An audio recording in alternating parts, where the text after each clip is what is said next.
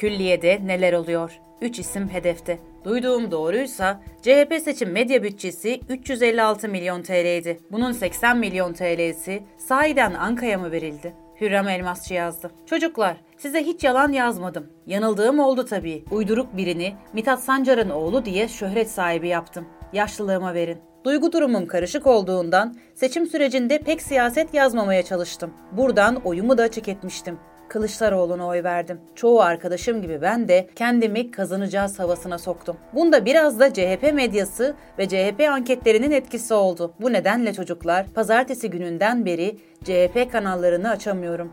Kendimce protesto ediyorum. Hele Anadolu Ajansı AK Parti'den aldığı ıslak imzalı tutanakları şıkır şıkır ekrana verirken CHP'den ıslak imza tutanaklarını alan Anka neden o yüzdelerini yayınlayamadı? Beceriksizlik, iktidara liyakatsızlığa makam veriyor diye kızdık. Bu ne şimdi? Duyduğum doğruysa CHP seçim medya bütçesi 356 milyon TL'ydi. Bunun 80 milyon TL'si sahiden Anka'ya mı gitti? Ayol kim kimi kandırıyor? Anka sitesine kim girer ki? CHP 45 gün Anka'ya neden reklam verdi? Ne yalan yazayım?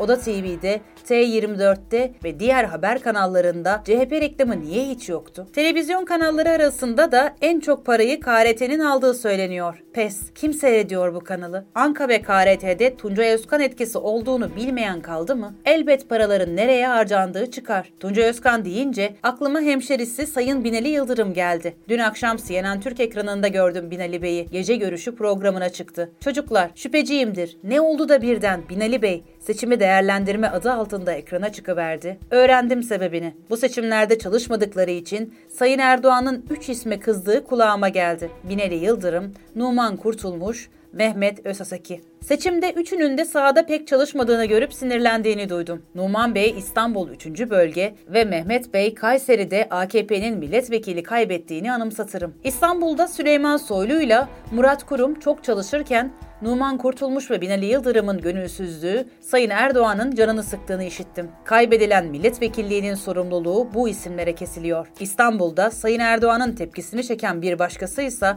belediye başkanları. Gelecek yerel seçimde çoğunun adaylığı zor görünüyor. Belki son haftada bir şey yaparak tekrar göze girerler. Numan Bey'in Türkiye Büyük Millet Meclisi Başkanlığını istediği kulağıma geldi. Ama seçim performansının Erdoğan'ı kızdırdığı Numan Bey'in işi zor. O hayali bitti sanırsam. Türkiye Büyük Millet Meclisi Başkanlığı için Fuat Oktay ve Tuğrul Türkeş'in de adı geçiyor. Bu arada Sayın Devlet Bahçeli'ye saygım artıyor çocuklar. Biliyorsunuz Türkiye Büyük Millet Meclisi açılışında yaşı gereği başkanlık kürsüsüne çıkması gerekiyordu. Ama Devlet Bey hep gönülsüzdü.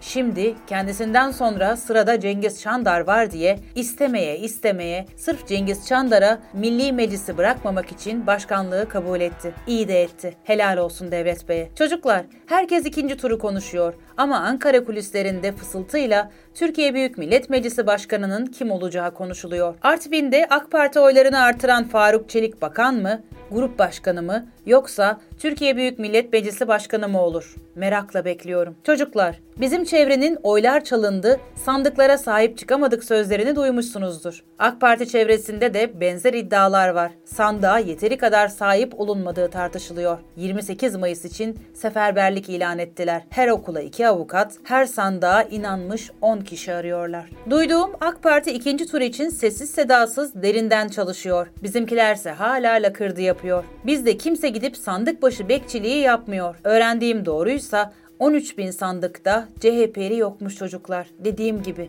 canım sıkkın. Hele şu ikinci tur bitsin neler yazacağım neler. Şimdilik bu kadar.